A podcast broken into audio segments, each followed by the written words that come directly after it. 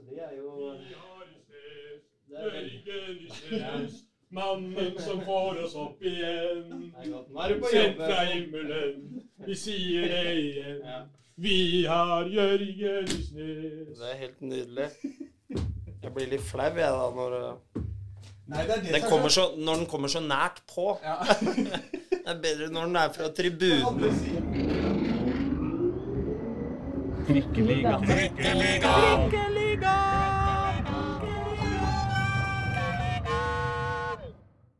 Du veit når du har gått med champagnen i en bærepose hele dagen, og så har du sittet og fikla med den metallgreia litt sånn uten å tenke over det. Akkurat det øyeblikket hvor du skjønner at nå, nå kommer det til å eksplodere noe så inn i granskauen, og det kan være når som helst rett rundt hjørnet. Vel, kast tenna i tapetten og sleng beina i taket, mine damer og herrer. Obos-ligaen er tilbake! Og det er vi også her i Trikkeligaen, tilbake med sesong 2, episode 18, for å feire og lade opp til helgas sesongstart i alles favorittliga, det norske stade norske, dit spillere kommer for å vise at de også kan gjøre akkurat det trikset i en nymåkt snøstorm på Raufoss også. Ligaen med det rare i hvor alle kan rykke opp eller ned, hvor konger skapes, talenter og veteraner brynes. Herre min hatt, dette skal bli gøy! Jeg heter Aslak Borgersrud. Med meg for å feire har jeg Håkon Thon, og også en av de store profilene i ligaen, og venn av programmet, syns jeg det må være greit å, å kalle han nå som han er tilbake for andre gang. Velkommen tilbake til Koffa-trener Jørgen Isnes! Takk for det. Nå fikk jeg gåsehud. Eh, Det kjente jeg. Så Ja, ikke dette gøy, ja? veldig, Jo, veldig. Det var eh, som jeg skulle sagt det sjøl. Ja, nå har vi lengta, lengta lenge etter å reise rundt på de rareste stadioner. Og- Det er fire- fire-fem måneder siden sist seriekamp. Ikke Det er sant? lenge. Det er så Jeg er så gira nå at nå begynte jo uh, Eliteserien på, eh, på, på søndagen. Og, og, og det syns jeg var skikkelig stas, sjøl om det ikke var en eneste publikummer i, i Oslo. Ja, det, jeg Altså Sjøl da er det stas. likte innledninga. Uh, Vålinga-Rosenborg der. Uh, Vålinga fortjente tre poeng, men uh, jeg kosa meg virkelig på søndagen med en norsk ball igjen. Altså. Ja, det var gøy. Så, så du, du, ja, du så kampen på Intility, eller? Gjorde Dønnum i uh, fantastisk uh, form. Eh, så får vi se hvor lenge de klarer å beholde han. Ja, og en kar fra, um, fra på en måte deres eh, del av byen, da, hvis vi kan si dere er litt sånn Oslo sør. Osame Sarawi. Var, Ja. var ikke gæren, han heller. Nei. Etter fastinga. Ikke sant? Imponerende. Du faster en tre uker, og så, og så kommer du, og så dominerer du. Jeg bare, du, jeg la ikke så godt merke til det mens han spilte, men når jeg så høydepunktene etterpå, så bare Ja, det er jo same, ja. Alle starta på alle angrepa er jo same Sarawi. Ah, det det er god spiller. Har du noe troa på dine mm, altså dere, dere har samme hjemmebane i år, eh, Vålerenga og, og, og Koffa, så dere, det blir jo på en måte en slags sånn romkamerater. Har du noe troa på dine romkamerater fra Helt Vålerenga? klart. Og så tror jeg de er avhengig av å være litt skadefri, eh, Mm. som veldig mange andre lag. Mm. Men eh, de har en veldig god eh, førsteelver Mm. eh, og en eh, 12., 13., 14. mann. Og bak der syns jeg det kanskje er litt eh, tynt, hvis du sammenligner med Molde f.eks. Men troa på Vålerenga.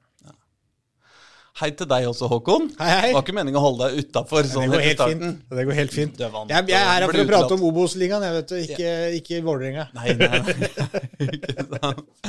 Gleder du deg til Obos-ligaen? Mm. Kjenner du også at det sitrer litt? ja, det gjør det. Nei, jeg gleder meg ordentlig nå, faktisk. Ja. Det blir skikkelig ordentlig og moro. Ja. Eh, det er jo selvfølgelig da nedtur at, eh, den, eh, at den første kampen ikke er hjemme, da, Jørgen? er det ikke det? Det er det. Eh, Vi skal til Grimstad og møte Jerv. Eh, Mm. Vi kommer vel inn på Jerv etterpå, men eh, det blir en tøff bortematch det på gress så tidlig i sesongen også. Ja, det er gress òg, ja. På en av, en av stadionene med, med det mest imponerende navnet. Levermyr. Levermyr. Ja, og den levde jo litt opp til det i fjor, eh, med et par matcher som var mer enn myr òg. Ja, ja, du Ja. føler deg litt som ja, postei under knottene. Ja, det, det er mye rare navn i den ligaen her. Altså det, men men eh, altså, vi skal jo eh, snakke om alle konkurrentene deres i, i ligaen i, i dag. Jeg tenkte det var en like grei måte å snakke oss gjennom Obos-ligaen på. Ta en som jeg, tror kanskje du har studert dem uh, hakket mer enn Det kan hende. Det kan hende. det, det, får vi i hvert fall håpe. Um, hvem dere kan buldre over som ingenting, og, og hvem dere skal få bryna dere litt ordentlig med. Men, men først så må vi nesten snakke litt om Koffa. Mm. Jeg vet ikke, Åssen eh, åssen er dere liksom er, er dere klare der oppe? Det er mange som spør om vi er i rute. Jeg har vel sagt hele tida at vi skal være i rute når, eh, når serien starter. Eh, og som lag så føler jeg det. Og så er det enkelte spillere som er, ikke er helt i rute, i og med at vinteren har vært som den har vært, uh, og våren. Men uh, jeg tror vi skal slå godt fra oss alle, allerede første seriematch. Jeg, så uh, jeg er fornøyd med stallen vi har, jeg er fornøyd med de spillerne vi har. Vi har en god bredde. Vi har nå spilt tre treningsmatcher. Eh, mot eh, tre lag som ligger i området rundt her. Eh, og det har vært to seire og én uavgjort. Så det er vi fornøyd med, og bygd opp en ålreit og god vinnerkultur. Det er viktig før man skal starte opp, og så er det veldig forskjell eh, når det skal spilles om tre poeng. Da. Eh, det veit vi, og spesielt når vi skal til Grimstad og spille på gress, og du må ta på deg skruknottene som de ikke har hatt på, på et år, kanskje. Eller to. Eller aldri brukt det. For dere har ikke, ja, ja, ikke sant, men dere har ikke, liksom Det er ikke sånn at dere da drar ut midt ute på Ekebergsletta og, og, tar en, eh, og tar en liten uh, siste trening der for å kjenne litt på hvordan det er med Vi har vurdert eh, bane 18. Eh, vi har det. Men nei, forholdene på Ekeberg tilsier ikke at vi kan være der. Og så har jeg litt troa på å egentlig være på de samme fasilitetene du har hele tida. Sånn at det ikke blir for mye bytta underlag. Så den matchen skal vi ta på ikke strak arm, men uh, den utfordringa tar vi uten å være på gress. ja. Det er jo mye lurere å være på å ha en eller annen litt sånn ordentlig rar bane. Altså, Vålerenga vant jo Vant jo eh, Norgesmesterskapet eh, fra, fra førstedivisjon i 1997, med, da man hadde landets smaleste bane på Bislett. Det, det, det kan jo være Ja da, vi Det hadde kanskje vært enda større forskjell i dag, hvor folk eh, Hvor, hvor, eh, hvor liksom eh, laga kanskje spiller enda mer eh, eh, Hva skal jeg si sånn så strategisk gjennomarbeida enn de gjorde den gangen da. Mm, det kan hende. Eh, vi har gode minner da, fra, fra Grimstad og gress. Så vi vant 1-0 der i fjor. Eh, en ordentlig krigermatch på en våt bane. Året før så spilte vi uavgjort, så vi har ikke tapt i Grimstad eh, med Koffa. Så vi har en god statistikk. Så det mm, Vi får se. Men, men hvor vanskelig sånn er det når det er starten av en sesong? Også, eh, I går så var jeg en tur, altså i går vil si mandag, da. Jeg var en tur i, på Grorud og prata med dem, og de har hatt en eh, sånn sesongstart som har vært, eller eh, sesongoppkjøring som har vært eh, eh, ikke så bra resultatmessig, kanskje ikke så bra prestasjonsmessig heller hele tiden, mens dere egentlig har fått ganske mye ut av disse treningskampene. Men så sitter man i begge leirer med liksom samme utgangspunktet her, at eh, alle har null poeng. Det er eh, til helga det starter. Og som du sier, eh, dere har to seier og én uavgjort. Men det er glemt hvis man ikke sånn, taper i Grimstad til helga nå. Men det samme er det for Grorud. Hvis de vinner for eksempel, da, mot Ranheim borte i første, så, så har de fått en kjempestart. Hvor vanskelig er det å liksom få spillerne sine til å skjønne at vi har null poeng, og ikke på en måte eh, bli revet med da, av en ålreit sesongoppkjøring? Det er jo mi, det er min hovedoppgave, det, å få gutta til å skjønne det. Så det er fint at du nevner det nå, fordi jeg nevnte det faktisk i, i går eh, på trening. Bare for å få det litt eh, ned, og få dem til å skjønne at det faktisk er veldig stor forskjell eh, på å spille treningskamper og seriekamper. Men samtidig så vil man jo dra med seg Som når jeg snakka med deg etter dere slo Strømmen, som du snakket om, vi vil jo skape denne vinnerkulturen, ikke sant, vinnermentaliteten. Eh, så, så man vil jo på en måte dra, prøve å dra med seg en del av det òg, samtidig som man må vite at eh, treningskamper og seriekamper er to forskjellige ting. Når du ser det med analytiske øyne, så, så vil du se hva som er bra, og hva som ikke fungerer. Eh, og det er jo det man legger fram for gutta. Eh, så da kommer jo selvtilliten av seg sjøl, og hvis jeg deler mer positive klipp enn negative klipp, så setter jo det seg mentalt også. Så det er jo mentale ting. Eh, Men det er vel noe med det å vise Hvis du, viser en, hvis du har spilt tre elendige treningskamper, og så klarer du å plukke ut fem gode klipp, så, er, så skjønner jo spillere litt at det, Nå prøver han veldig hardt på å prøve å gi oss litt selvtillit her. på en Jo måte. da, det det, er vel noe med at når du, når du får de gode resultatene, så vil de gode klippene De er selvforsterkende. da. Fordi de føler at vi hadde en god kamp, og du viser dem noen gode klipp fra kampen. Fordi det var faktisk ganske mye bra i denne kampen. Det, var ikke noe, det har ikke vært noen ufortjente seire dere har hatt. Dere har jo vært veldig gode, egentlig. Solide er vel riktig ord. Jeg syns vi har mye å gå på fortsatt eh, til å kunne havne topp seks, som er målsetninga. Men, eh, men eh, jeg tipper Aksel Bergåg i Grorud finner mye positivt i kampene sine, som han også er inne på i intervjuene.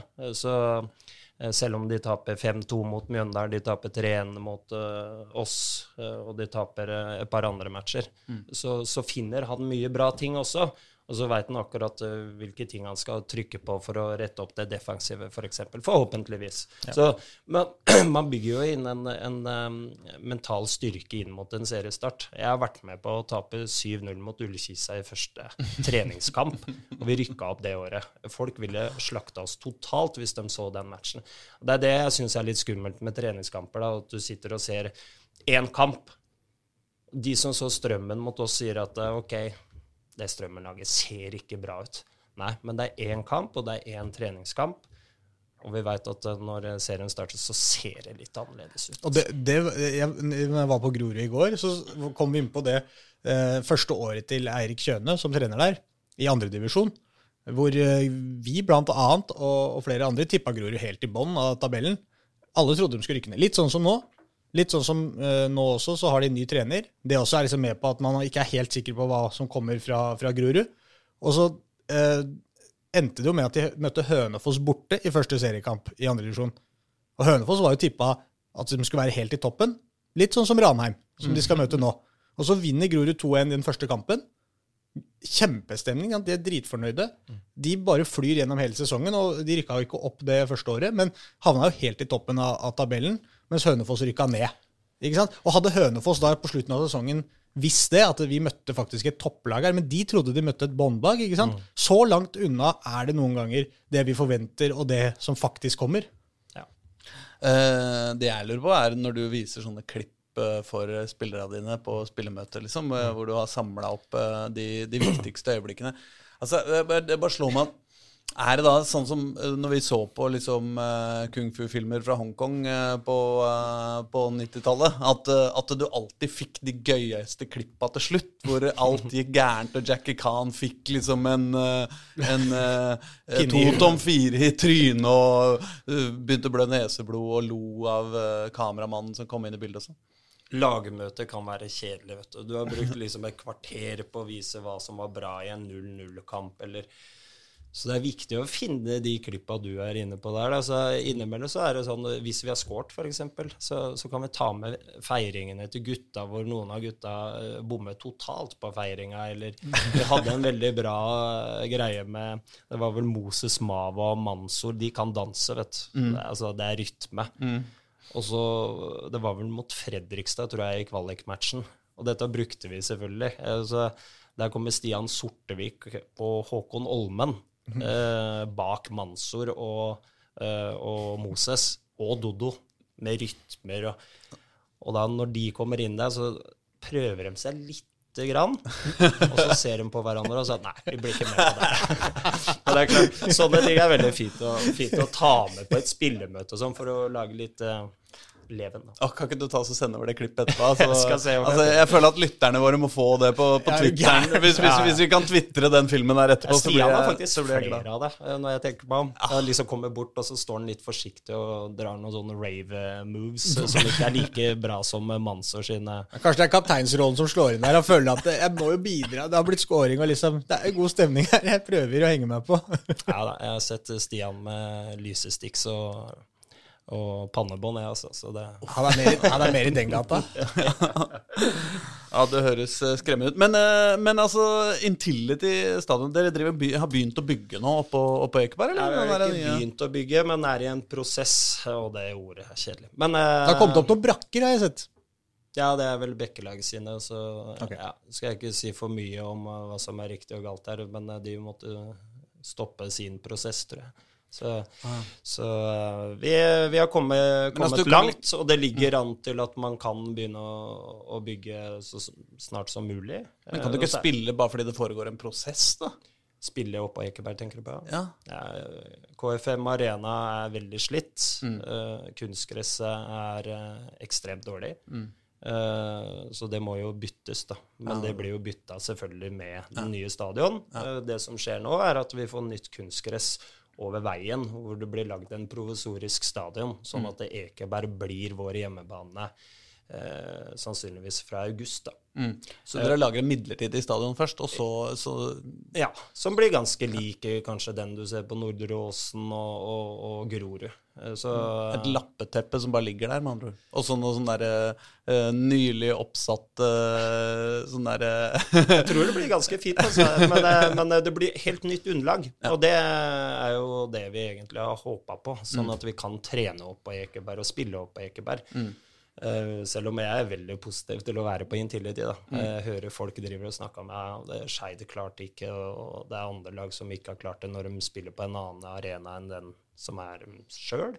Men vi har trent tre ganger i uka på Intility og får et veldig sterkt forhold til Intility og har veldig gode resultater på Intility. Så det ville vært dumt av meg og resten av gjengen å drive og bruke dette som et argument for at vi kommer til å gjøre det dårlig. Men man er vel litt bevisst samtidig på utfordringene som ligger der. Det er man vel. Ja da, det er en annen type bane. Det er eh, større bane. Mye større enn Ekeberg. Eh, ikke større stadion, men selve banestørrelsen. Og det gjør noe med presspillet. Stadion er litt større og- større det nå, da. Ja, lite grann. Litt grann. Vi har skogen oppe på Ekeberg. Ja, det er sånn sant. ja, ja, altså der hvor, eh, der hvor Vålerenga har jo et glimrende podkaststudio. Vi var der i, for et par uker siden og intervjua en, en navnebror av, av deg. Um, og det, mens, mens dere har jo den gamle hoppbakken da, liggende inne i skauen der. Ja, Fins den fortsatt? Ja, det er mulig det er rester av den.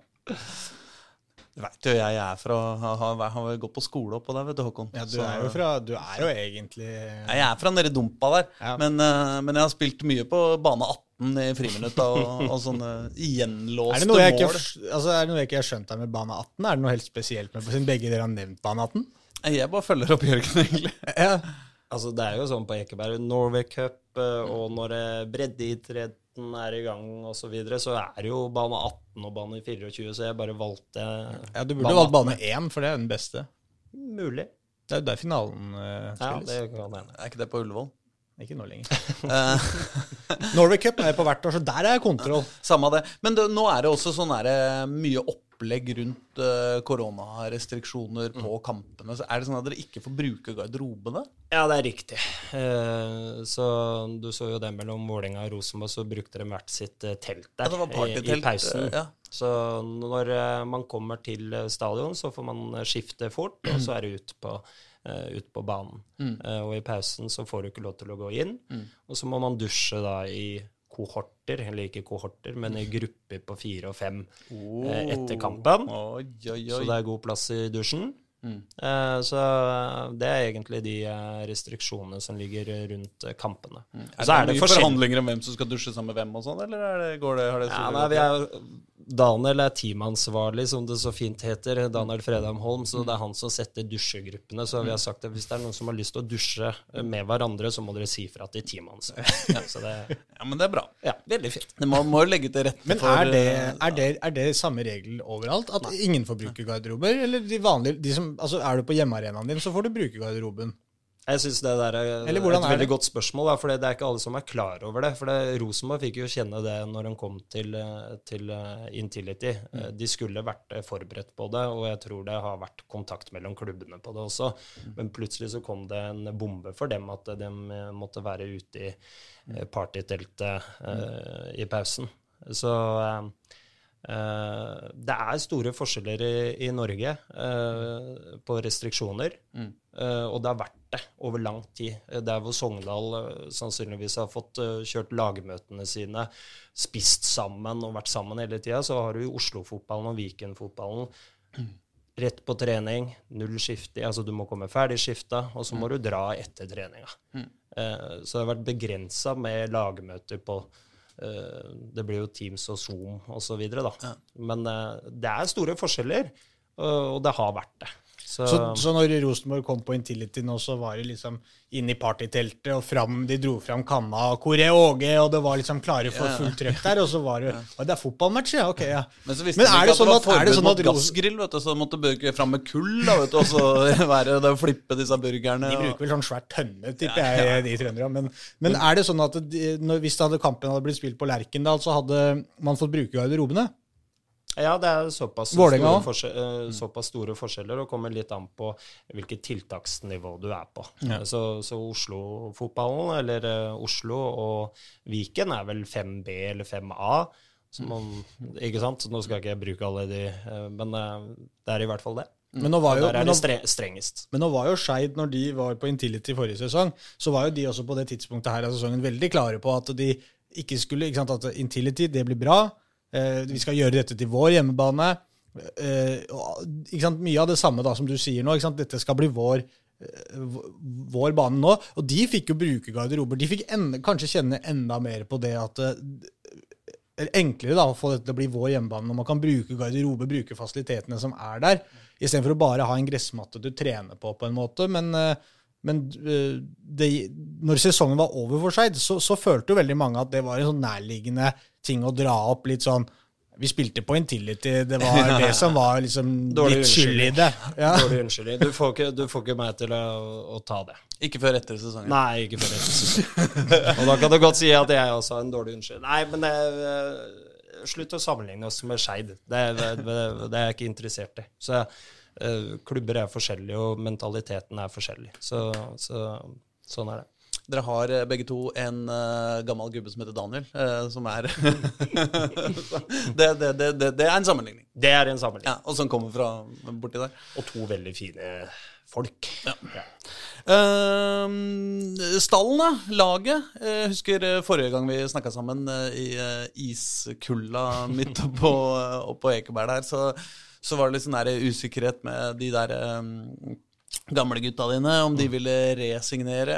Og du sto der litt sånn på gress da og håpa på at eh, de ville velge deg et år til, og det, det gikk jo stort og greit, gjorde det ikke det? det gjorde det. Ehm, siden så har du jo altså hatt eh, en liten eh, Du har jo fått inn en forsvarsspiller som Ja. heter Jesper Toje. Det er riktig. eh, Som skapte ikke bare bitte litt bruduljer i, i Oslo-fotballen. Altså, dette er, bare for å recappe for, for de som hører på Sånn jeg har forstått historien, han spilte i Hamar.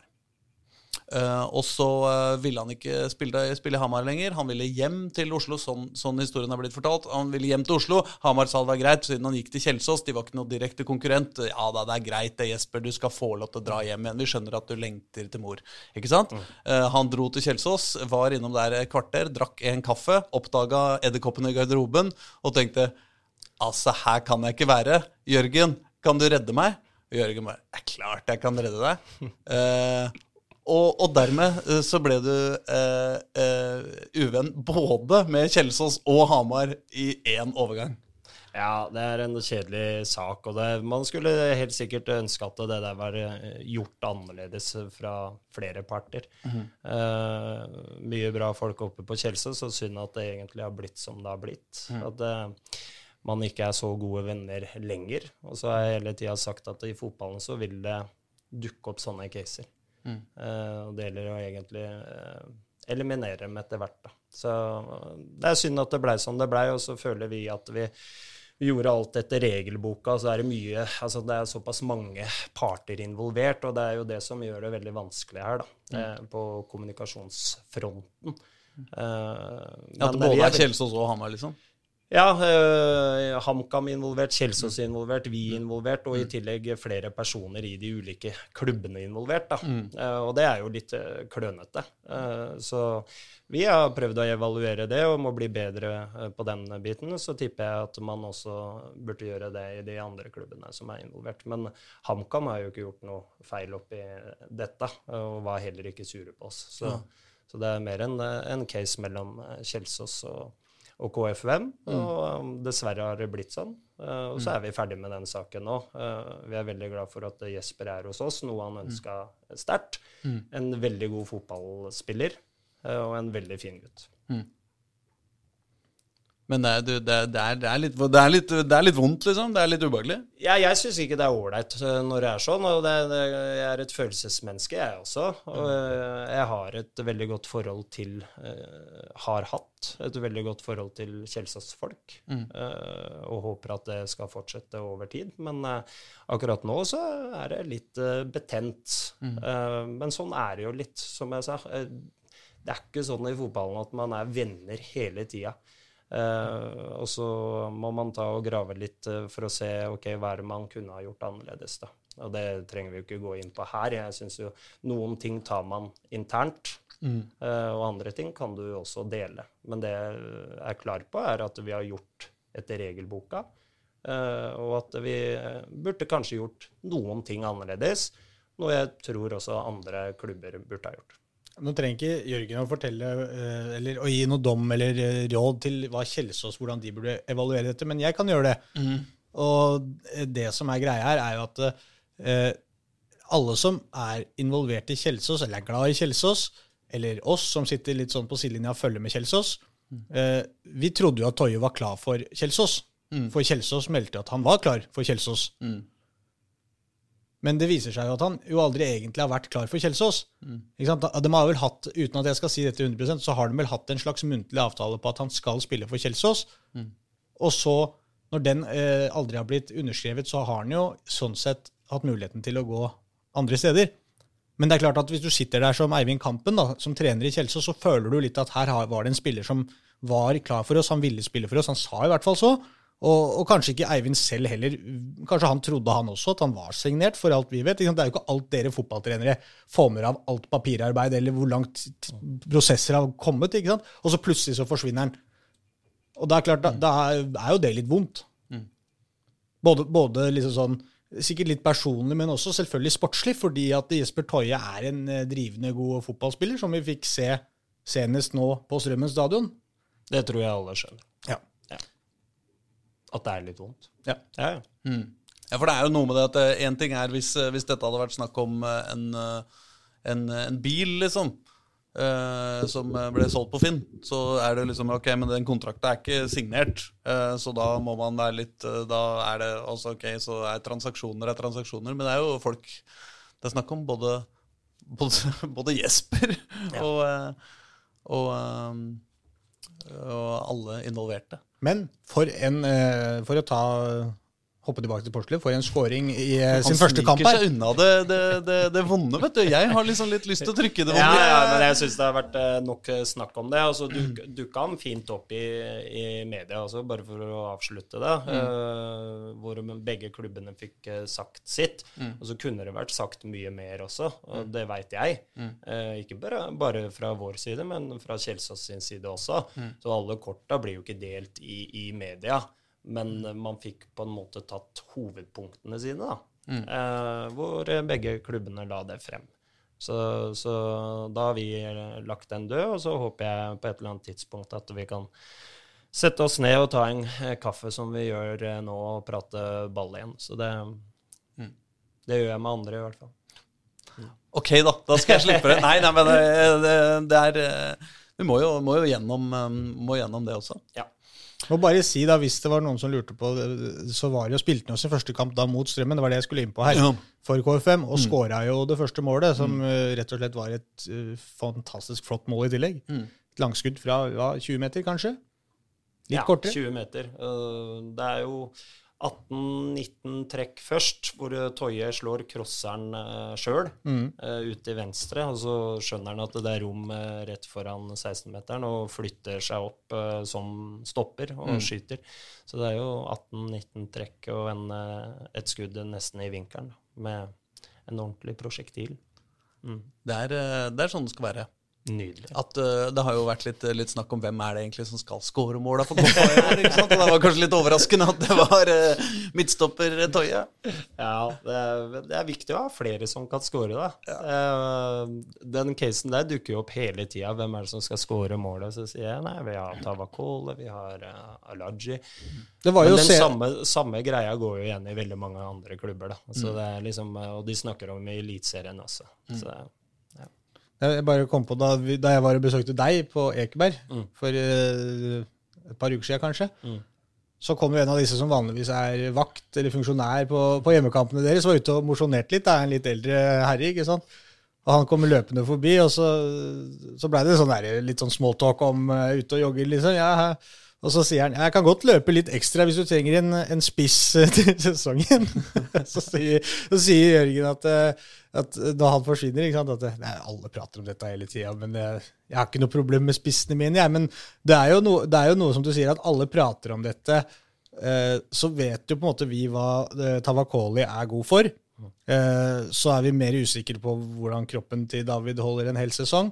Og så har du også Alaji Sanyang, som du jo som du i hvert fall står veldig last og brast med og føler at eh, han kan levere, eh, om ikke til toppskårertittel, så i hvert fall til, levere noen skåringer på topp der. Men det er jo et poeng som du er inne på her, at det, det at såpass mange spillere har meldt seg på med å skåre mål så langt denne sesongen, det, er jo, det er jo positivt for dere og blir kanskje nøkkel i sesongen òg. Ja, det syns jeg du sier mye riktig, da. Eh, Men eh, i 2019-sesongen så hadde vi nærmere 60 skåringer. Eh, Toppskåreren vår hadde 10. Så det var ikke sånn at vi hadde en toppskårer som skårte 25. Men det var Lars Olden Larsen og Moses Mava. Moses forsvant riktignok litt tidlig i sesongen. Eh, Men vi skårte mye den sesongen. Men da skårte Jørgen Hammer seks mål på dødball. Ikke sant? Vi, den kom fra forskjellige steder i banen, og da er det også uforutsigbar for motstanderen. da. Så det er et eller annet med å liksom Å, æsj! Ekle Koffa kommer på besøk, og så de kan score fra alle mulige faser. og Det liker jeg, da. Det er snu en dårlig, dårlig ting til en god ting, er det ikke det? Ja, Du hadde det er- ikke til en spiss som scora 15 mål eh, heller? Nei, nei og det, det, det er helt riktig. Nå skårte David 8 i fjor. Han starta vel eh, 15, så det er ikke så gæren eh, stats, det, altså. Så eh, jeg syns man er litt strenge med Koffa på de områdene, når det problemet egentlig ligger på 80% av klubbene i Eliteserien og Obos. Så du snakker om de samme tinga egentlig i veldig mange klubber, da. Eh, Men ja, vi skal skåre mer. Men nå, nå i dag eh, tar vi opp eh, på en tirsdag. Eh, denne podden skal gjerne legges ut onsdag morgen, og onsdag er jo også eh, eh, deadline day. Mm. Kommer det til å skje noe eh, i løpet av det som for lytterne eventuelt er dagen i dag, da? Altså i løpet av onsdag? For vår del, tenker du på? Eh, nei. Jeg er fornøyd. Så det var ikke noe Det er sånn Jørgen Klopp sier hver, hver gang for eh, Liverpool. Nei, det skjer ikke noe. Så dere kan bare gå hjem. Men så kommer det noe likevel. ja, ikke sant. Nei da. Men eh, vi, vi var litt spente på om vi fikk eh, eh, alle klare til seriestart, eh, pluss-minus. Nå ser det positivt ut uh, i forhold til skader. Eh, vi har flere tilbake. Uh, og da er det noen som kommer tilbake rett etter seriestart. Så sånn sett ser det veldig fint ut, og da har vi dobbel dekning i alle posisjoner. Så det ville vært tullete å signere en til. Ok, Så, det, det, det, så det skjer faktisk ikke? Nei, det gjør det ikke. For du skjønner at lytterne blir skikkelig føler seg snytt nå hvis, hvis det viser seg at du signer en på, på onsdag kvelden, og så har du sittet her og sagt nei, det skjer ikke, Ja, til dem tidligere på dagen. Nei, men det er klart at det, skader og sånn kan jo forandre eh, det, hvis det er noe som plutselig Ja, Men skjer ikke til i morgen. Nei, eh, det tror ikke jeg heller. Så I hvert fall ikke når gutta skal trene styrke på egen hånd i dag. Så det er, ja. Ja, det er det trygge, liksom.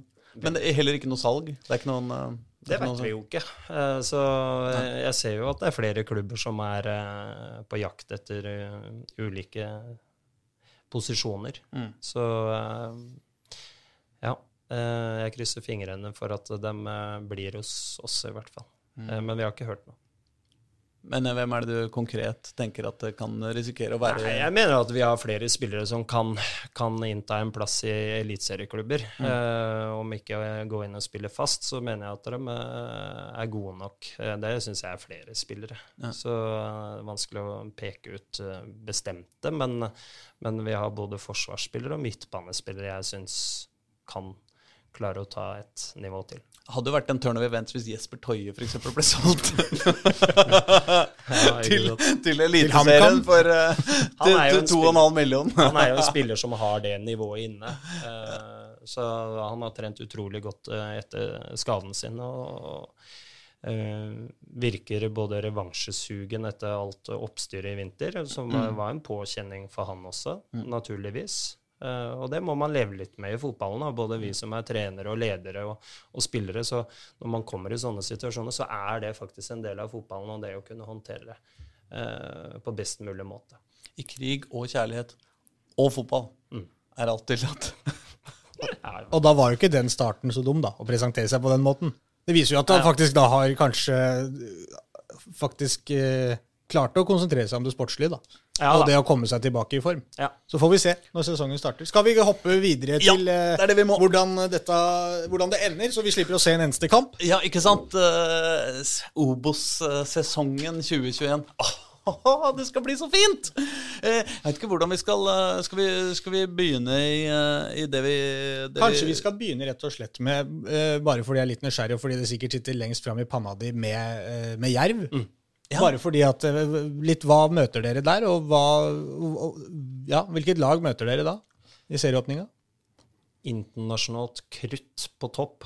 Eh, ja, jeg er jo uh, Nå hørte jeg en podkast med, med Joakim Jønsson i stad, og Petter Bø Trosterud, som sitter i Obos-studio. Eh, men jeg visste jeg har jo analysert jerv.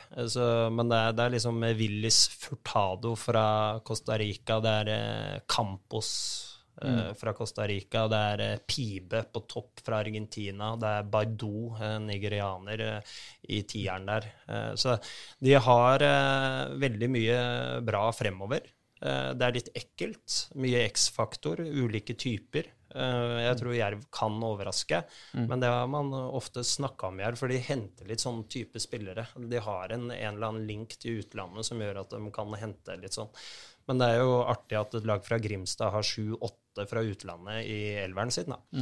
Eh, så det er litt det er å komme fra Argentina til Grimstad. Det blir jo nesten ikke noe forskjell. Nei da, så, så det er et uh, vanskelig lag vi møter. Altså, så jeg har sett dem i noen treningsmatcher nå, jeg syns de ser bra ut. Og, og spesielt offensivt. Og så eh, har de noen ålreite spillere bakover i banen også. Eh, Jon Olav Norheim, som eh, spilte i Koffa for noen år siden, som er startgutt opprinnelig.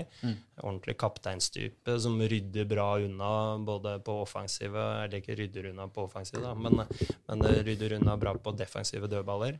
Og sånn generelt i spillet. Så de har en del bra ferdigheter i laget som kan gjøre at de havner høyere opp på tabellen i år. Men hvordan er det du tenker før? Hva, hva er det som du, Bortsett fra og hva de er gode på, liksom, så hva, hva, hvordan forbereder dere dere til den kampen? Vi ser eh, etter hvilke rom vi kan angripe jerv i, hvor de er enten svakhet eller avgir rom. Eh, Vi ser på tallkombinasjoner, eh, hvor vi kan skape overtall. Eh, Om det er en tallkombinasjon vi justerer på, eller om det er noe vi kan legge bevisst, bevisste trekk på.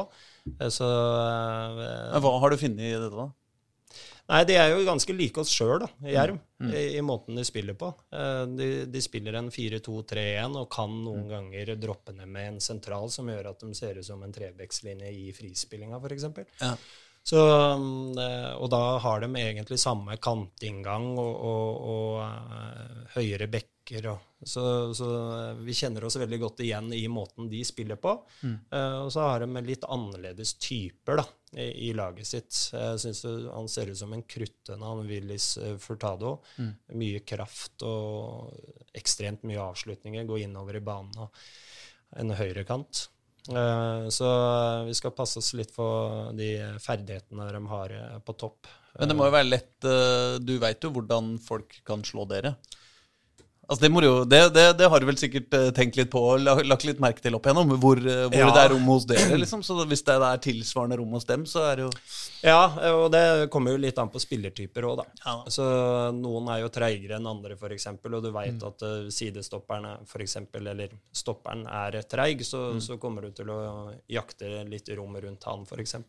Eller har dem en seig eh, sentrallinje, så er det fint å kombinere litt der for å gjøre dem litt møre. Altså det er, det, er, det er mye du kan se etter, da.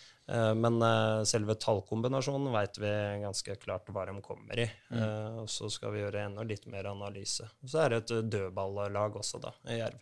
Det er vonde på dødballer, rett og slett. Um, jeg, jeg er litt sånn nysgjerrig på, uh, på uh, hva du tenker om, uh, om naboen uh, Om naboen òg, altså, oppe i Grorud. Mm. De har jo bytta trener. Um, fra liksom det, den store sånn ja, det, no, med Norges beste unge trener tre år på rad, eller hvordan det var. og, til, eh, og til en eh, kontorist fra NFF som, eh, som eh, tar et friår. Nå er de gode, gode venner da, fra før av og jobba veldig mye i NTF eh, sammen. Så der er det nok veldig mye av samme metodikk og måten å tenke på. Mm. Så jeg tror ikke du får se så store forskjeller i det Grorud-laget. Der jeg tror du ser litt forskjell, er jo at eh, når man mista noen eh, gode spillere eh, Veldig sansen for Leo Kornic, en spiller vi eh, var nære på å skaffe sjøl også. Ja. Eh, Før Grorud fikk en, eller? ja. Mm. Eh, som er i Djurgården nå. Eh, var ekkelt med hans posisjonering offensivt, spesielt. da. Det er ganske bra salg, ass. Fra Obos-ligaen til Ja, det Djurgården, Liksom. liksom. er sterkt. Og det viser at eh, Grorud driver godt. da. De Mm. er flinke oppå der, og de henter litt riktige typer. Og så er jo det spennende å se om stallsammensetninga blir god nok til å, til å kunne gjøre like bra som i fjor. Mm. For det er klart at det, det, er- er sterkt å holde laget sitt i Obos-ligaen i, i første sesong. Mm. Og så er det noen som snakker om at det er vanskeligere andre sesong. Det er sånn klassisk, jeg vet ikke om det stemmer i det hele tatt. Eh, Det er sånn blir nevnt alltid. Så, men eh, ja. Eh, nei, jeg, jeg tror eh, Grorud med sin klare identitet og tydelighet i spillet kan, eh, kan overraske i enkeltmatcher. Og så blir det spennende å se om eh, det blir nok poeng ut. da. Jeg tror de er avhengig av en Oskar Haga på, på topp. mm. At han leverer som i, i fjor. Eh, det er avhengig av de sentrale spillerne som eh, Høyland og, og Preben Mankovic. Eh, og så er de svekka litt i bakre leddet. Så blir det spennende å se hvordan de setter opp det bakre leddet sitt. da. Eh, for det er- er flere spillere som kan spille i ulike typer posisjoner der. Åssen var den kampen uh, mellom, den treningskampen mellom dere, sånn, sånn du ser den? Nei, Vi vinner den kampen uh, fortjent, og så er det alltid sånn når vi møter Grorud at det er litt sjakkspill. Eh, man man veit om styrkene, men man veit hvor man vil hen. Og så dreier det seg litt om å kanskje ha den siste lille X-faktoren til å avgjøre fotballkampene. Og i den kampen så tok vi Grorud ut bra. Uh, mens Grorud sleit litt mer med, uh, med det vi hadde, og kanskje spesielt i den første omgangen. Eh, så var det to lag som var noe svekka til den kampen, selvfølgelig. Så hvis alle er skadefrie, så, så vil du se sterkere lag både i, i Grorud og, og Koffa. Men da mangla de Oskar Haga, og det la vi jo merke til, sånn rent offensivt i det Grorud-laget. Det er ikke så farlig da, liksom? Nei, altså, han har, Oskar er veldig flink til å, å starte inn i riktig rom og, og være en ekstremt stor trussel. Så der hvor Grorud pleier å være veldig retningsbestemt og, og gå inn bak motstanderen, så, så var ikke den til stede i den matchen i stor nok grad. da. Eh, Så syns jeg at vi forsvarte oss veldig godt. Men er det, det altså Dere skal jo liksom være storebroren, da? Skal dere ikke det? I Obos, dere skal, dere skal eh, ha seks poeng fra Grorud i løpet av en sesong, eller? Ja, og de kampene betyr noe. Mm. Det er jo hatoppgjør. Mm. Samtidig så har vi god tone. Og dette er jo sånn fotballen skal være. Vi må ha flere av de hatoppgjørene. Vi må elske det, og vi må elske å slå, slå Grorud. Eh, Og du ser tenninga hos gutta også, i begge leirene, eh, er ganske høy til de kampene. Og også hos trenerne. Så det, det betyr noe. Eh, er, jeg vet at vi har snakka om dette før også, men det er ikke bare koselig. Det er egentlig ikke det. Men du har ikke 20 000 som står på tribunen, sånn som mellom Vålerenga og Lyn. Men vi i gruppene kjenner på det. Og sånn skal det være. Og det må vi bygge opp eh, under. Eh, Så seks poeng skal vi ha mot eh, Grorud. Og så var det jo litt sånn i fjor at vi fikk hver vår. Men vi ble jo pissa på i, i en treningsmatch eh, før seriestart. Nå var det motsatt i år, da. Ikke at vi pissa på Grorud, men Men jeg vant, sa, jo, jeg sa det jo etter den kampen at det var jo det mest rettferdige resultatet mellom dere og Grorud som egentlig har vært de siste to åra. Det, har Det vært det har vært veldig store sifre. Altså, Grorud har jo vunnet, vunnet Vant en treningskamp der eh, vel eh, før forrige sesong, og de vant også hjemmekampen der oppe i serien med et, var det tre Vi tapte treningskampen 4-0. De kontra oss i hjel. Ja. og, og slo oss der oppe også, på samme måte nesten. ja. Så Isnesen trenger noen eh, måneder. Han, Og så vant dere- den Grorud-koden. Ja, og så, og så vant jo dere 3-1 eller 0, eller hva det var hjemme, da. Var det ikke Ja, noe sånt òg? vi, vi vant eh, 3-1. 3-1, ja. ja. Og begge de kampene var sånn som balanserte litt, og du følte at dette kan bikke begge veier hele tida. Og så blei det til at en lag fikk det første målet, og da åpna det seg enda mer i rom, og så blei det liksom til at det sklei litt ut. Mens nå var, de, nå var KFM 3-1 bedre enn Grorud. Det som er kult med Grorud, da, bare for å øh, Jeg, syns det er kult at de tør å prøve øh, en 2003-gutt inne på midten der, Safaris. øh, at de har flere av disse unge som, som blir brukt i Obos-ligaen, og at de i tillegg holder posisjonen sin i Obos-ligaen. Eh, så får vi se da hvordan det blir i år. For man er avhengig av i sånne grupper å ha eh, de som står der og holder dem litt i øra og er gode referansepunkter i hverdagen. Og Det er der Preben Manko skal være, og Martin Høiland skal være. ikke sant? Og det, det er fine profiler å ha der i, i, i tillegg, da. Du skal ha litt Grorud granitt eh, også, ikke Ja. bare sånne dansende Ekeberg-gutter. Nei, det kuleste med Hans Safaris er at den er jo granitt. Så det er liksom eh, 2003-gutt som er granittblokk, da. Eh, Så eh, han, er- han liker jeg veldig godt. Han så han mot Fredrikstad, han var veldig god. Men det, jeg skulle si det om Grorud, at uh, dette som du er inne på her, det er nøkkelen til Grorud. Du kan snakke om Oskar Aga og Martin Høiland og disse her. De er helt, de er helt avhengig av dem, selvfølgelig. Det, det er de beste spillerne på laget. Men for at Grorud skal overleve, så er det utviklinga til Christos Safaris og til alle de andre unggutta i det laget der som avgjør om de holder seg eller ikke. Det er det som er nøkkelen til Grorud. Christos Safaris også har vært en personlig favoritt av meg helt siden jeg så han første gangen i Grorud. Synes han er helt rå. Vi kalte han jo, vi kalte han jo jordfreseren her, ikke sant? som dere syns var litt morsomt. Han er eh, fantastisk eh, deilig fotballspiller å se på. Masse energi. Og som du sier, så ung og likevel så tøff i huet. Ballsikker, pasningssterk. Han har eh, egentlig alt. Og, og så er han også en fyr som, hvis du drar opp på Grorud, så sitter han der. Ikke sant? Han er der oppe hele tida, og han, eh, han har masse fine folk rundt seg som han er glad i der oppe. Nå driver han og tar lappen ikke sant? ved siden av holder på med mediesjefen der oppe, ikke sant? som lærer han å ta lappen. Svær diskusjon om de skal Skal jeg laste ned appen? Jeg sier til dem klart må laste ned appen, sa Harris. Det er jo ingen som bruker boka lenger, ikke sant? mens han mediesjefen han mener at da skal du bruke boka, ikke sant? Men han sier jeg skjønner ikke Jeg skjønner du eh, Kanskje jeg og Safaris skulle Ja, kanskje samme. ja, kurs med Frode Englund. Jeg, jeg ser for meg den, eh, den uh, vakre historien om da dere møttes på liksom uh, oppkjørings på Risløkka, ikke sant? Og så ble dere sittende og prate sammen, og så oppsto det gnister, og så før du veit ordet av det, så var ikke Jørgen Grydeland, daglig leder i Oppsal, som hadde signert en spiller på Ensjø bakeri? ikke sant? Ikke sant? Plutselig så plukker du opp Christos Safaris på, på kjørestasjonen på Risløkka. på Ensjø bakeri. Ja, det, Men, men det- det- for å bare fullføre litt med Grorud, da.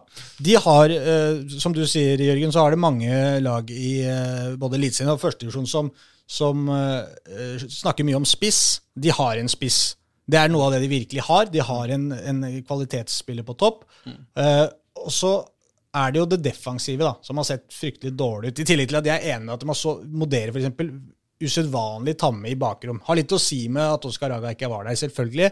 Men i de andre kampene de har spilt, også som jeg har sett, så har det mangla litt av det som på en måte Grorud fikk betalt godt for i mange kamper i forrige sesong. Men det kan komme. Dette er treningskamper, som vi var inne på. Men det, det mangler noe defensivt der. For det er rett og slett bakover. Det ser, eh, ser fryktelig tungt ut for dem. Men der kan det jo komme til å skje noe. De signalene som var der oppe nå, var at de sannsynligvis kommer til å hente noe nå på onsdag. Å, ja. Så der kan det hende at det kommer inn én, kanskje to forsterkninger. Og så har de også en mulighet da på, på noe lån i etterkant av dette her også, da på, hvis du oppfyller visse krav. ikke sant? Det er vel under 22 år og, og kan låne fra, fra Eliteserien f.eks. og disse tinga her. da. Så det var også noe de diskuterte litt der oppe nå.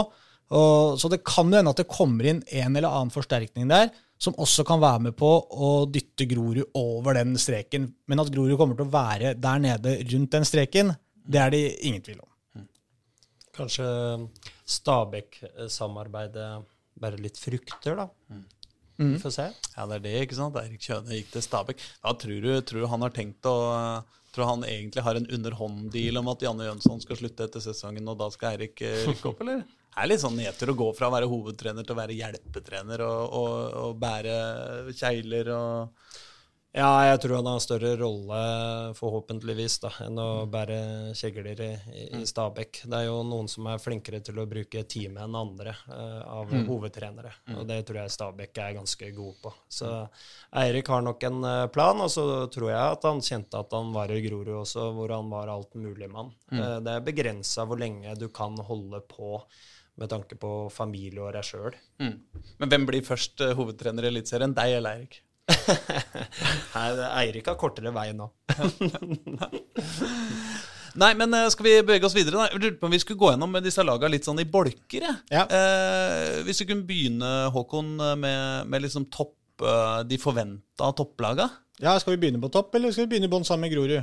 Se hvem de eventuelt skal kjempe med. Ok, da vi begynner i bånn. Viktig å poengtere at dette er Dagsavisen sine. Ja, ja, ja, men uh, det, Så supplerer jeg. Jørgen Isnes sender Grorud ned.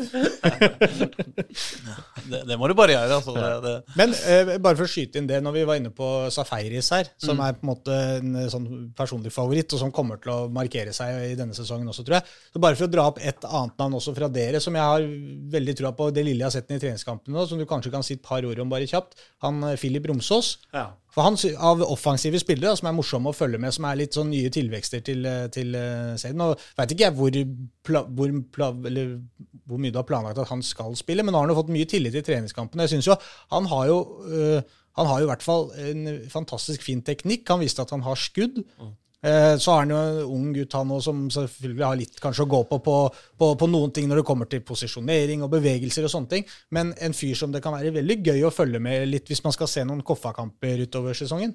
Det er fint at du sier ung, for jeg, det er veldig, når man sier ung, så, så tror man at man er 16 og 17, men du er faktisk ung fotballspiller når du er 22 år, da. Og Philip er det, vi må ikke eh, glemme det. Du, du kan spille i 15 år til eh, i fotballen. Så Philip eh, ble tatt opp i stallen i KFM i, i 2016, eh, når vi var i Obos.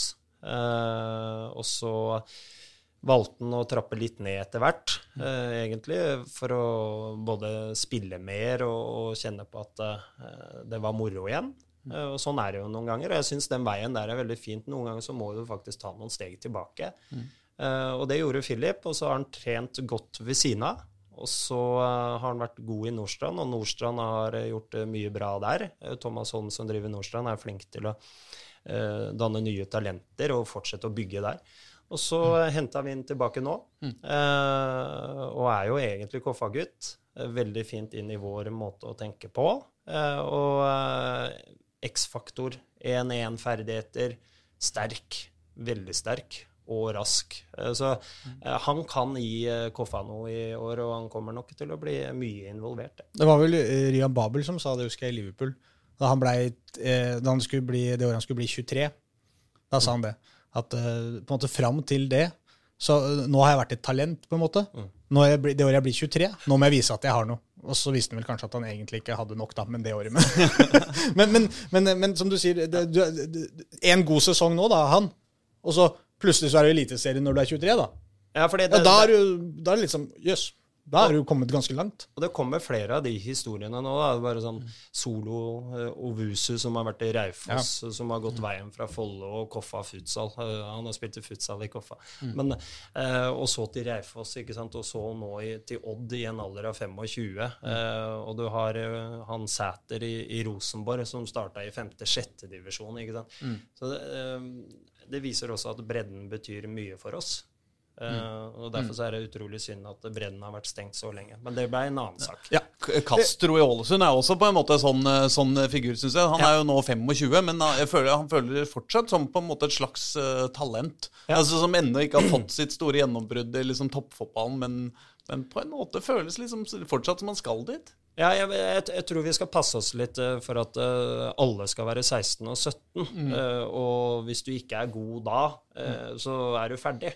Fordi det er litt mentaliteten til unge fotballspillere. At når de blir 20, så er de på en måte Nei, da er ikke godt nok. Men det er jo mange år igjen til å nyte fotballen og kose deg og Mm. skaffe deg store opplevelser og ha gode minner for livet. Og i tillegg kan komme på det øverste nivået. Det er lettere med trenere. Du kan jo være godt oppe i 40-åra og likevel være talent. Ja, og grå i år. Ja, men det er jo sånn Hvis du går inn og ser på et U15-landslag, f.eks., så kan du gå inn og se på U15-landslaget til England. da. Og så, og så går du, hopper du tre-fire år framover i tid, så er det ingen som veit nesten hvem noen av de gutta er. Jeg skulle kommentere U21. eh, EM som var nå som gruppespillet. Og da, var, da skulle vi møte Sveits, og da gikk jeg inn og så fordi de hadde møttes i en U15-turnering. da, Sveits og England eh, da noen år tidligere, så det burde vært en del av de samme gutta.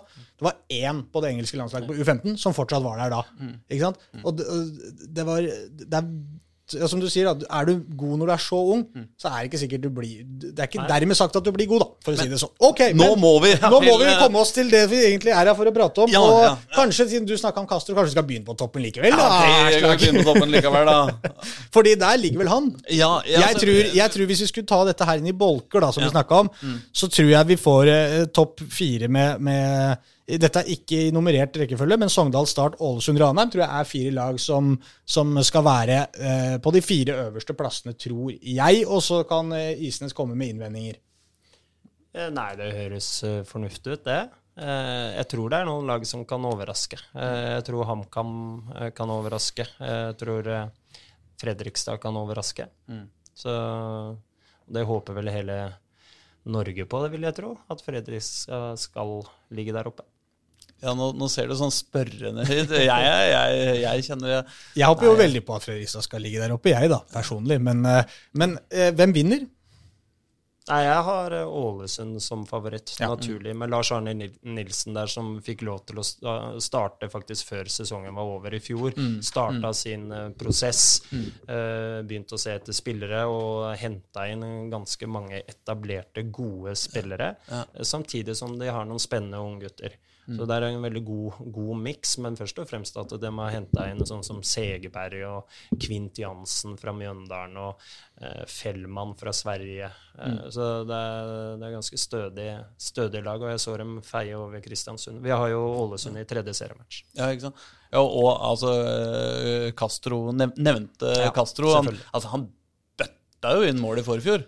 Så viste det seg at, han bare, at hele laget da, falt jo helt eh, komplett gjennom i, i Eliteserien og gjorde en uh, veldig dårlig sesong. Det må det vel være lov å si. Men uh, Det blir spennende å se hvor de bruker Castro da, i, i 4-3-3, som Lars Arne Nilsen eh, liker å spille. Så om det blir en falsk nier, eller om det blir en innoverkant eller kant. Il- Eller indreløpet, faktisk. For han kan spille det òg. ja. Det kommer jo alltid noen overraskelser, som du sier. Men jeg er liksom, Start setter man litt opp der fordi Start er Start, føler jeg.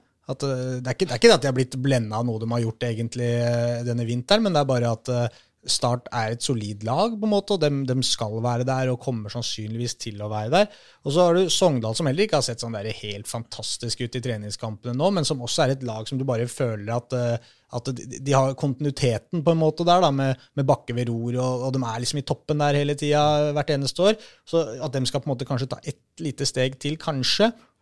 Og så er det Ranheim, som jeg også er litt usikker på, men, men som på en måte igjen et, et, et lag som er liksom litt sånn foryngelse øh, i ferd med å skje der, da, men likevel et lag som jeg tror vil være der oppe. Men det er, det er, jeg vet ikke, du, er det noen du, andre du vil melde på som kan dytte ut noen av disse her? Jeg har satt FFK i en sånn egen bolk aleine rett under dem. For jeg tror at FFK kommer som, blir nummer fem. Det er et av de lagene jeg liksom har satt allerede. at jeg, de, jeg føler at de blir nummer fem.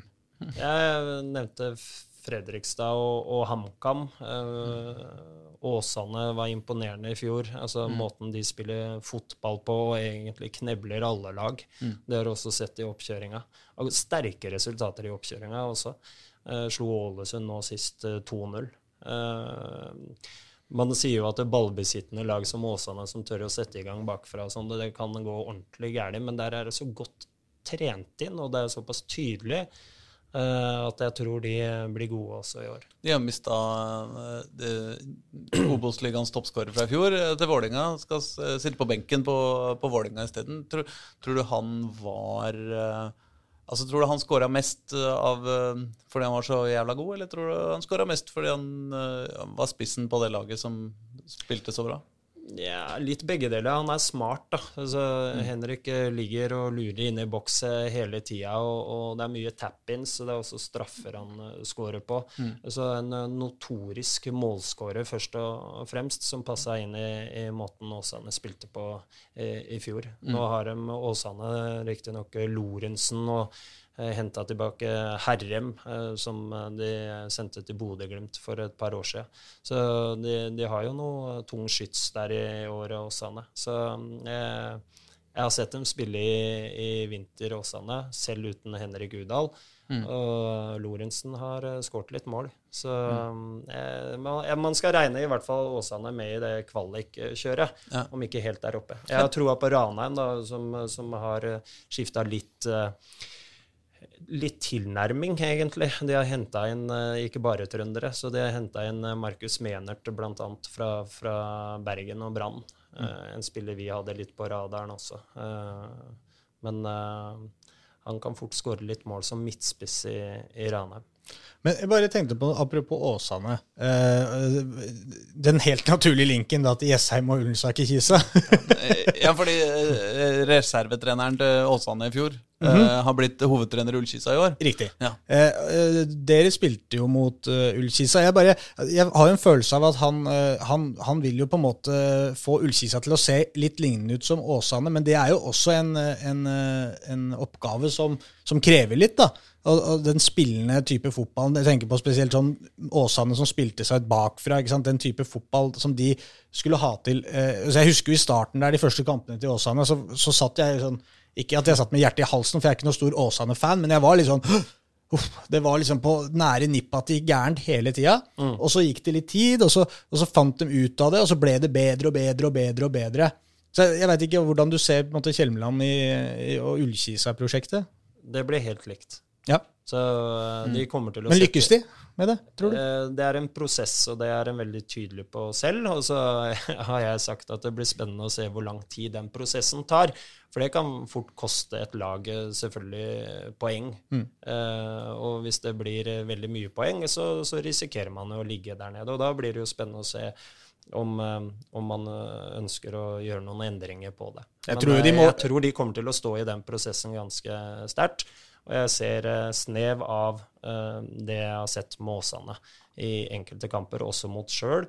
Eh, så vi fikk merke at vi ikke fikk det høye presset til å sitte, og da måtte vi bare falle ned. Og da syns jeg Kisa ikke hadde så mye å by på, faktisk. Så, så um, de har noen faser de er veldig gode på akkurat nå, og så har de utfordringer i noen andre faser. Men jeg vil jo tro at det er en god start. da. At du klarer, for eh, Mye av det man snakker om å, å spille seg ut bakfra. Eh, Og klarer du faktisk å spille deg ut bakfra og tvinge et lag som dere da, til å, til å legge dere dypt, så har du i hvert fall klart uh, første del av oppgaven, som er å løse et høyt press når du skal spille den type eh, bakfra. Ja. Og Det- de er jo ute etter, vi snakka om det før sending her, altså eh, konseptet rundt eh, posisjonsspill og, og tredjemann, eh, som man da bruker ekstremt mye, bl.a. i Åsane og, og Ullkisa. Så eh, Sindre, Sindre blir en spennende trener som er veldig tro og tydelig på hva han ønsker. Eh, Så eh, han har vært veldig betydningsfull for Åsane, det veit jeg. Og da betyr det at de kommer til å møte en parkertbuss på, uh, på Intility? Ja, han kommenterte faktisk det i, i fjor, tror jeg, med Åsane, at han syntes det var vanskelig å møte Koffa. Mm. Fordi de stengte såpass mye av de rommene de var ute etter. Eh, så, men eh, vi varierer, vi, altså. Så det, vi får se til den bestemte kampen. Ja, da KFM kan vi hoppe, for det er dere er med i min neste bolk her. Kampen om sjetteplassen. Der har jeg satt dere sammen med HamKam, da, som du var inne på. Og jeg også satt Sandnes Ulf der, men eh, de er også veldig usikre på egentlig hva Sandnes Ulf eh, det, det, er litt sånn, det er litt sånn når man tipper, da. Det er veldig viktig å presisere dette her, at eh, man tipper. Det er det vi driver med. Det er ikke vitenskap, dette her. Og det er litt sånn av gammel vane at man litt også tenker at Sandnes Ulf er et lag som uh, har ambisjoner om å være der. Og så veit jeg ikke om jeg er overbevist uh, sportslig av det de heller har levert i oppkjøringa, til at de kommer til å være der. Men, men jeg, jeg har i hvert fall satt dere sammen med de to. Hva tenker du om det? Eh, naturlig at vi havner der, i og med at vi har en målsetning eh, om det. At eh, vi blir nevnt i det momentet. Men jeg tror jo det er flere lag involvert der, da. Og det er jo Obos-ligaen kjent for. Så jeg tror man må ta med både Raufoss og Jerv, kanskje, og det er eh, Åsane, som du var inne på. Ja, så det, det, det blir et kobbel av lag, altså, Mm. om de siste kvalikplassene. Og så er det kort vei ned også. Det er bare for at jeg, jeg kan, egentlig Når du skal tippe Obos-ligaen, så trenger jeg ikke å lage bolker som det her. Jeg kan sette et par lag på toppen, det er sånn det som regel er, og så er det én bolk til med resten av laga. Fra tredje og helt ned til bånn, på en måte. Det er, det er, for det er veldig ofte så jevnt. Er, Men da Sandnes Ulf er jo øh, De kvitta seg med Kent Håvard Eriksen, som gikk til øh, Lillestrøm. øh, en notorisk målskårer som har skåret mye mål for Sandnes Ulf. Og så har de henta inn to spisser nå fra Eliteserien i, i Bringaker og, og Hustad, fra Brann og, og Start. Eh, som kan gi dem ordentlig boost på topp der. Men de har også solgt Grødem, som gikk til Molde. Molde.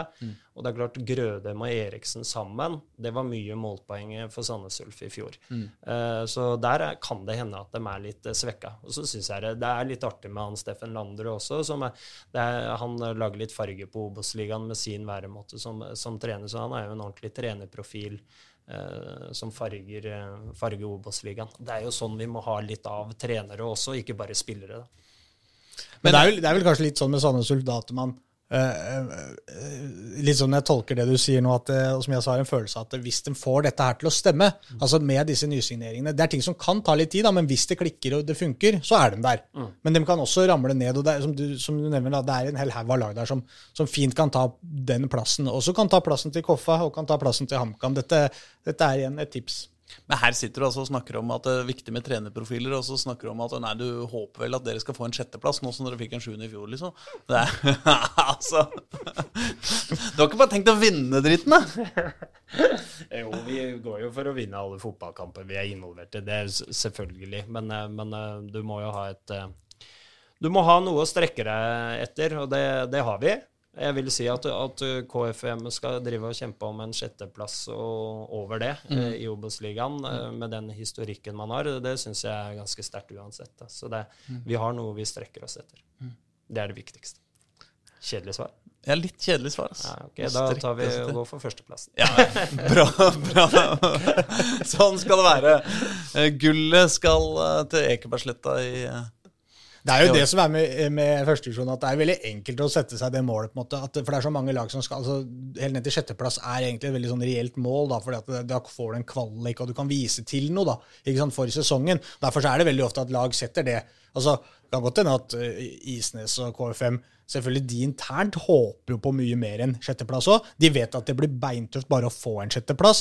Eh, og så vet de også at de kan havne utafor sjetteplass. Derfor så blir det veldig naturlig å sette sjetteplass som målet. Fordi det er så lett å, det, det er der skillet går, da.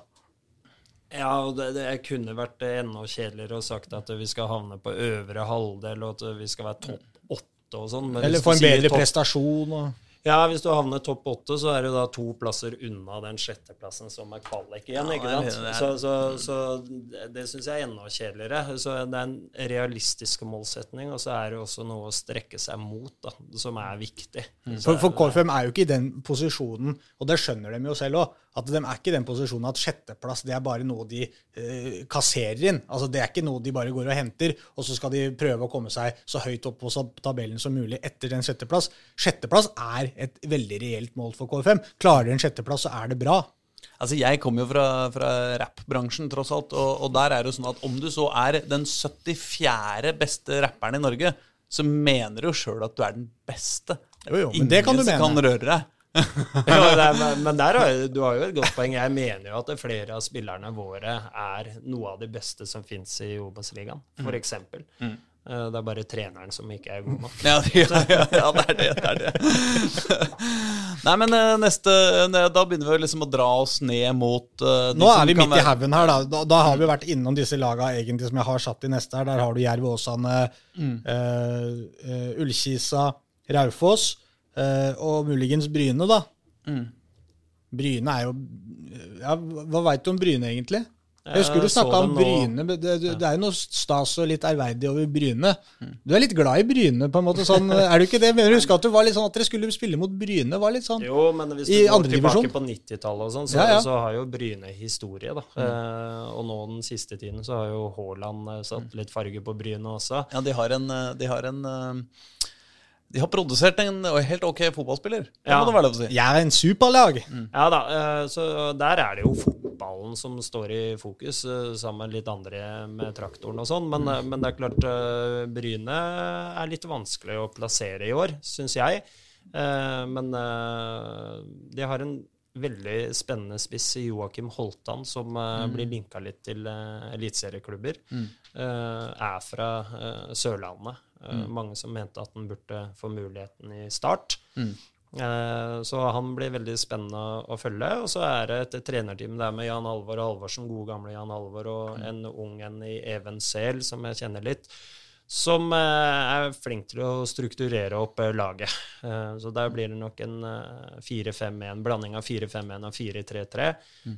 Så eh, det blir spennende å se eh, egentlig hvor gode de kan eh, være. Men de Men har noen gode de- spillere. Tror du de styrer unna Erik ganske greit? Nei, det tror jeg ikke. Jeg tror, eh, jeg tror dem, eh, Det er alltid et av de nyopprykka laga som eh, pleier å slite litt. grann. Jeg tror Bryne eh, skal få det tøft, men jeg, tror samtidig at de har bl.a. En, en spiss da, som fort kan sørge for at de eh, eh, havner over eh, både kvalik og nedrykk. Men eh, vanskelig å si det også. Ja, så eh, Jeg er enig, for det Bryne er et sånt lag som jeg ikke helt klarte å, å bestemme meg for hvor jeg ville ha he, sjøl heller. Men eh, Hjemmebanefordel da, med, Ja. med gress. To lag som spiller på gress, det er Jerv og, og Bryne. Og det er klart at det, det kan de bruke for det det er verdt. da har vi nedrykkskampen her, da, hvor det også kan jo melde altså Noen av de lagene som vi snakker her som kan melde seg opp i toppen, kan jo også melde seg på i bånn. Det er jo så jevnt det er, da. Eh, Men de jeg har satt der, da, og de som på en måte blir Det er jo sammen med Grorud, Strømmen og Blink, som jeg har satt der eh, blant de tre nederste, da. Mm. Så det Hva, hva tror du om strømmen, da? Det er jo um, Der er det jo også sikkert eh, gode forbindelser i, um, blant trenerne og Ja. en, en sånn uh, er det, er, det, er det også et litt, litt oppgjør som betyr noe litt ekstra, eller? Ja, nå var jeg ti år på Romerike i, i Lørenskog, så jeg har alltid hatt eh, tette bånd til Romerikslaga. da. Men sånn for KFUM sin del så blir ikke det noe sånn voldsomme eh, som Grorud, f.eks. Men, eh, men vi kjenner veldig mye til trenerteam og, og støtteapparat og klubb og, og spillergruppe. Og det er en veldig fin, fin gjeng der borte.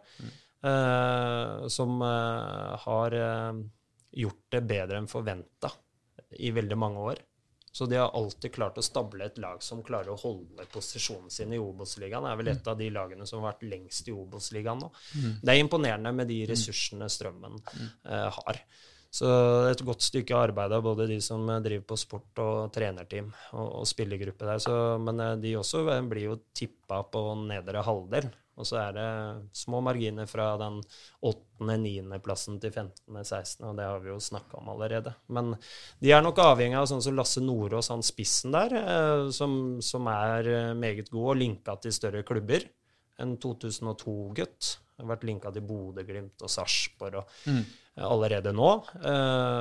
pluss et par andre. Det er jo spennende da, som med, med han Walid Idrissi, Ja. i og med at vi er inne på Oslo-fotballen vår. Det er jo fra Kjelsås, da. Han, han har jo, sånn jeg har skjønt, vært litt sånn i Han var vel litt sånn i tenkeboksen på om han skulle fortsette i det hele tatt. Og så eh, var det liksom at han, han ville til en litt høyere divisjon. Men så blei det til at nei, jeg tar Kjelsås likevel. Da, gikk helt tilbake på det. Og nå har han jo på en måte tatt da, skal han prøve da et steg opp da fra Kjelsås og opp i, i Strømmen. Og det er jo en spisstype som altså Jeg så den jo både mot uh, dere og mot uh, Grorud og Mike Etchacken, og spesielt i egentlig noen av de kampene. Men det er jo en, er jo en fyr som er målfarlig, da, med bra fysikk på topp der. Kan jo bli uh, Hva, hva tenker du om han, han der? Har han, har han det nivået inne? Ja, det har han. På lik linje som flere andre spisser. Så, så dreier det seg om å treffe på klubb, selvfølgelig. ikke sant? Om Strømmen er riktig klubb og at det er riktig formasjon. Jeg er jo vant til å spille en 4-4-2, bl.a. I, i, Kjelsås, ved en makker ved siden av seg.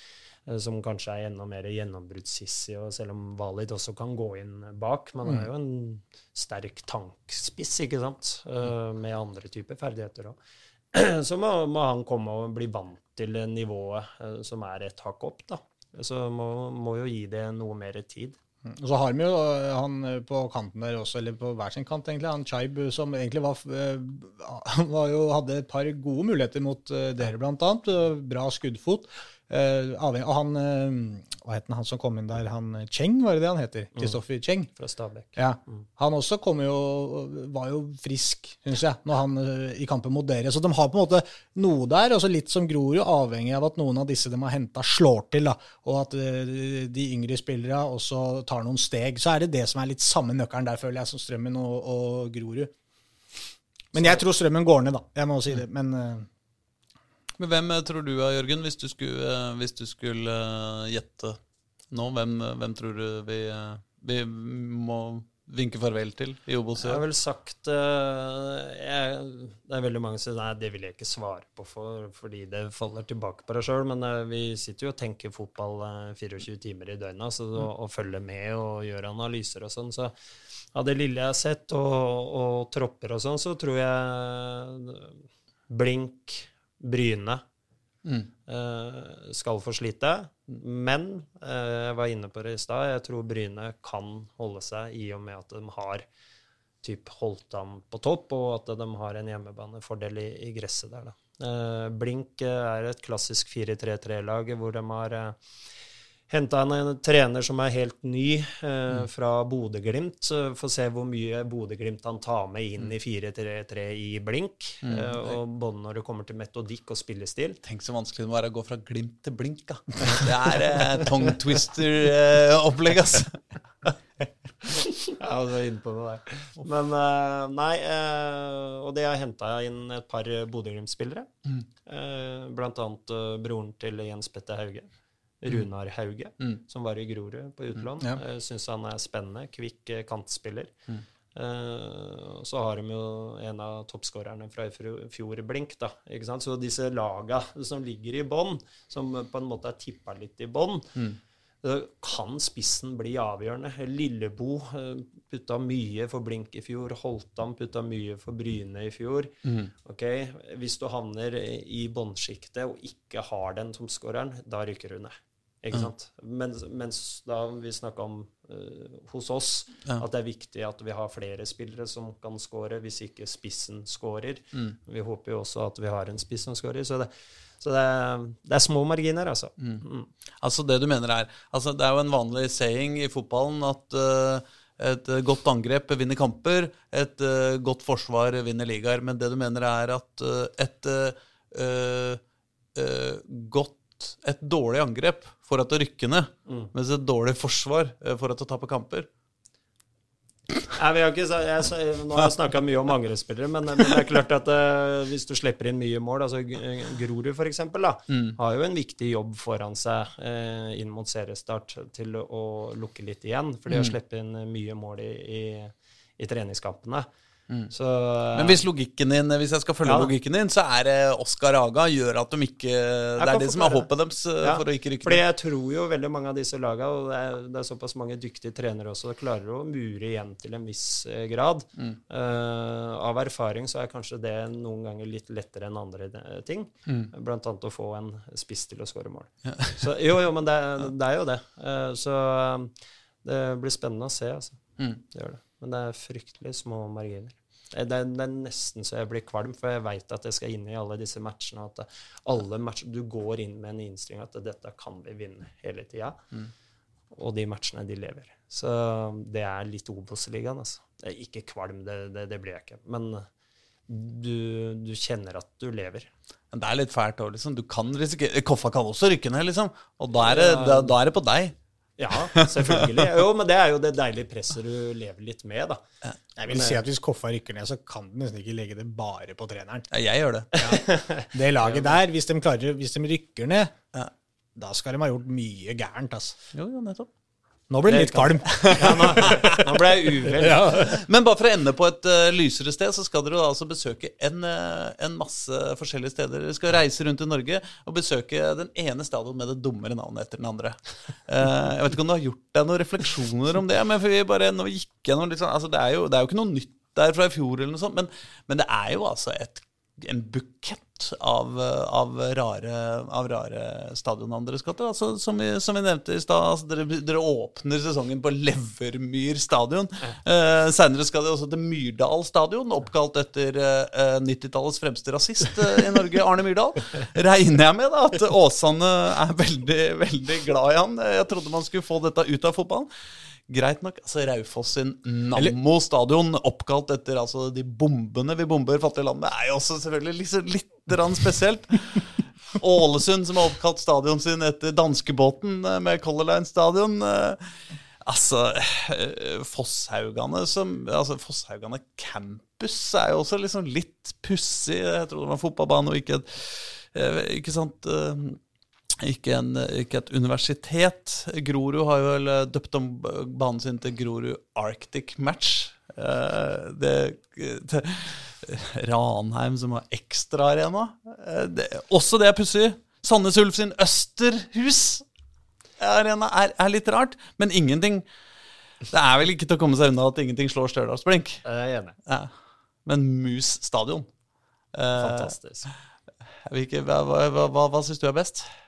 Hvilken heier du på? Hvilken ba holdt jeg på å si noe som kanskje ikke passer seg på podkast? Jeg veit ikke om du la opp til den, men, men eh, Jeg liker, jeg liker Uff a meg. Nei, men det er, det er lov. Det, det, Nei, er, det er podkast. for å ta stadionet, så jeg må jo si jeg gleder meg virkelig til å Sør Arena og, altså, Ikke for å gå etter navnet, da. Mm. Nei, det var det er tåpeligere når det het komplett. Da ble Nei, det åpenbart et klart valg. Ja, Men, ja. men uh, du har uh, Sør Arena, Color Line. Mm. Uh, det å kunne komme ut på de stadionene som er helt lukka, og du kjenner at det er ordentlig proft. Alt Ja. liksom er og i tillegg, da, hvis du får publikum på arenaen, Mm. for Ålesund kan trekke litt. Mm. Start ser jo litt eh, slunkent ut eh, altså på Sør Arena når det Mm. Det er er 3000, slunkent. fordi det er plass til 15. Mm. Men en fantastisk stadion, en av de kuleste i, i landet, faktisk. Men når vi snakker om da, ikke navn nå, ikke sant? nå snakker vi om ja, de fineste arenaene. Riktig. Ja, og Da vil jeg jo også kaste inn uh, min favoritt, da selvfølgelig Fredrikstad stadion. Ja. Som er eh, en, altså, Apropos om det kommer folk.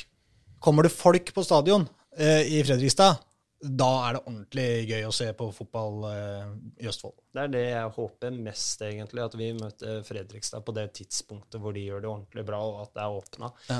Eh, jeg har spilt sjøl for Oslo øst eh, på gamle Fredrikstad stadion. Da var det 10 000. Mm. En fantastisk følelse. Du så ikke tilskuerne. Det var en eh, mørk høstkveld. Mm. Eh, Siste seriematch. Så det var dugg i teppet der, og det var helt nydelig. Mm. Og så eh, var jeg der med Koffa nå i kvalikmatchen. Der ødela vi egentlig hele stemninga, for vi vant 3-0 i første match. Ja, det er dårlig gjort. Veldig dårlig gjort. Og så kom vi, og så var det nesten flere Koffa-folk på tribunen enn det det var Fredrikstad-folk. For det der ble det avbestillinger av billetter, da. Ja. Så vi hadde jo en fin opplevelse sånn sett. Men hvordan blir det for dere på Intility? Hvor Mye, mye Koffa-supportere greier å, å få inn her hvis det blir noen åpning? Nei, det blir vel sånn som Vålerenga kjente det for noen år siden. Men eh, Nei da, eh, litt flossete sagt. Men eh, vi, vi håper jo å ligge, ligge på kanskje noe mer enn det vi gjorde på Ekeberg til tider. Men Mm. det er klart Jeg har sagt det hele tida at uh, Koffa burde se mot uh, da Skeid var i eliten Mm. uh, på seint 90-tall og tidlig 2000-tall. Uh, ja, seint 90-tall. Eh, for da trakk man på en måte mellom 1000 og 2000 på Voldsløkka noen matcher og sånn. Og det er der vi må på en måte komme oss opp mot når det begynner å nærme seg en ny arena. Eh, Men at vi ligger eh, mellom 500 og 1000 eh, på enkelte matcher, det skal vi klare. Og det er klart Hvis det åpner, Ja, hvis det åpner. Det er ikke vits å snakke, for Oslo er stengt ned, og der er det ikke publikum. Jeg lover å komme altså, hvis, det, hvis det åpner. er Jeg skal, se, jeg skal, se, skal se Koffa på Intility. Ja, altså. ja, nydelig. Det kan bli gøy, det. Men jeg- vi, vi har jo ikke noe annet å gjøre enn å, enn å føle blodet bruse. Og, og glede oss til, eh, til eh, første, første oppgjør på Levermyra. Og, eh, og seinere på Intility. Takk for at du kom, Jørgen. Takk for at jeg fikk komme. Fint at du var her også, altså, Håkon. Ja, hyggelig. Takk. Ha det! Ha det godt.